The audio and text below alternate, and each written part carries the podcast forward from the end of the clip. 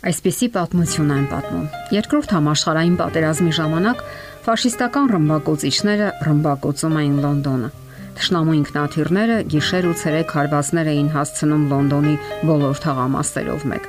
Ամենուր հրդեհի հետքեր էին, ամբողջ թաղամասեր ավերակների էին վերածվել։ Մի փոքրիկ տղա ռմբապաստարանից դուրս նայելով ամբողջ ժամանակ հետևում էր ռմբերի պատճառած վնասներին եւ ավերածություններին։ Նա վախենում էր, նրա մարմինը ցնցվում էր վախից եւ հեծկլտոցից։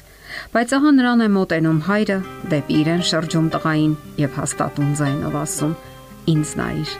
միայն ինձ նայիր։ Դրանից հետո մնացած ողջ գիշերը, ինչ քաղաքի վրա ռումբեր էին ընկնում, տղան հոր գրկում էր եւ նայում էր հորը։ Նրա համար ոչինչ այլևս սարսափելի չէր։ Անցել էր թե վախը, թե լացը եւ թե ողջ անհանգստությունը հոր գրկում նա իրեն ապահով էր զգում։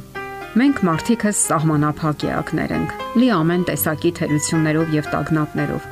Երբ մենք նայում ենք մեր սխալներին ու մեղքերին, վախով ենք համակվում, որովհետեւ մեր ընտունակությունները սահմանափակ են։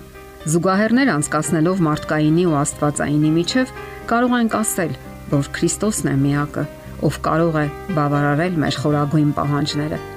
Երբ մենք նայում ենք Հիսուսին, բավարարվում են մեր հոգու խոր ու թանկ պահանջները։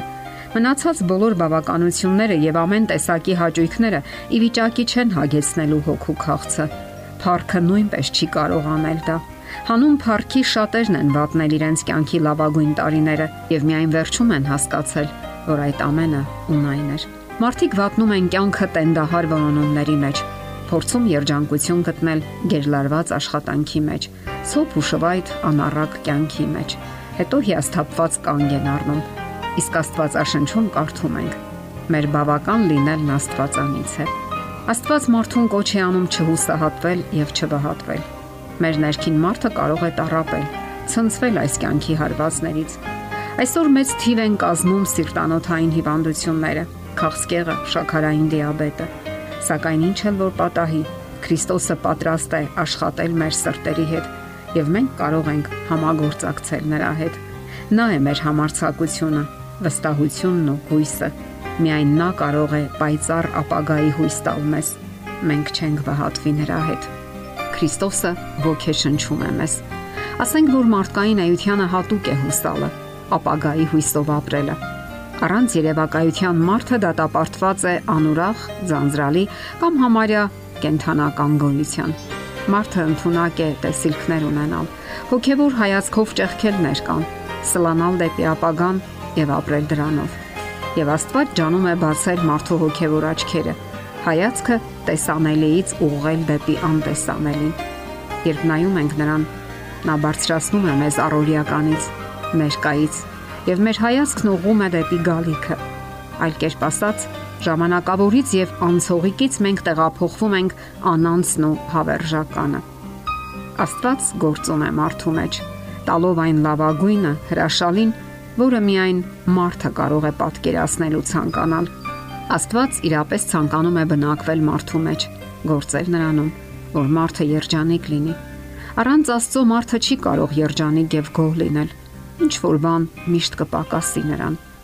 Դա Աստծո ներկայությունն է նրա մեջ։ Առանց դրա նա չի կարող անվտանգության մեջ զգալ իրեն, խաղաղություն ունենալ։ Ինչպես մեր պատմության մեջ տղան խաղաղ ու հանգիստ էր հոր գրկում,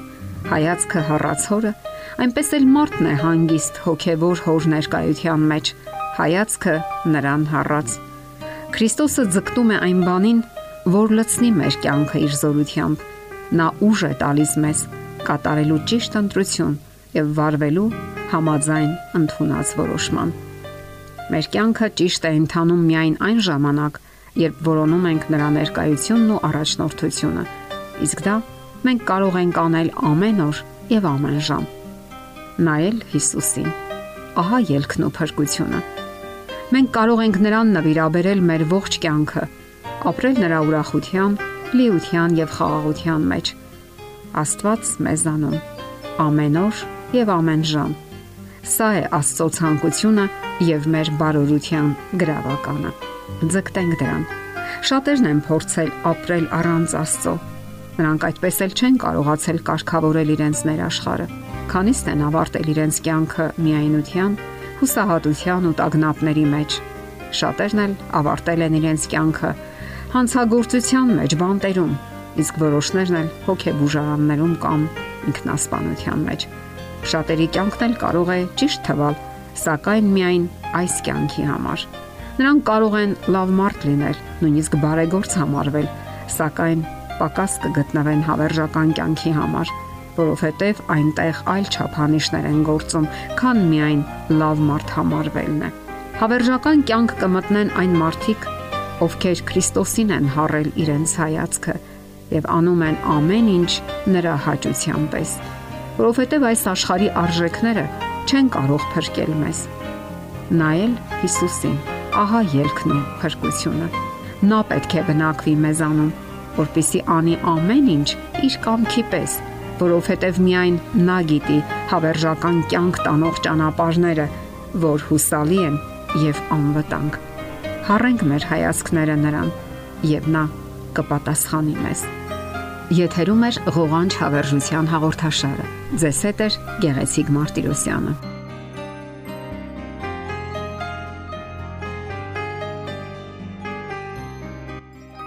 Հարցերի եւ առաջարկությունների դեպքում զանգահարեք 041 08 20 93 հեռախոսահամարով։ Հետևեք մեզ hopmedia.am հասցեով։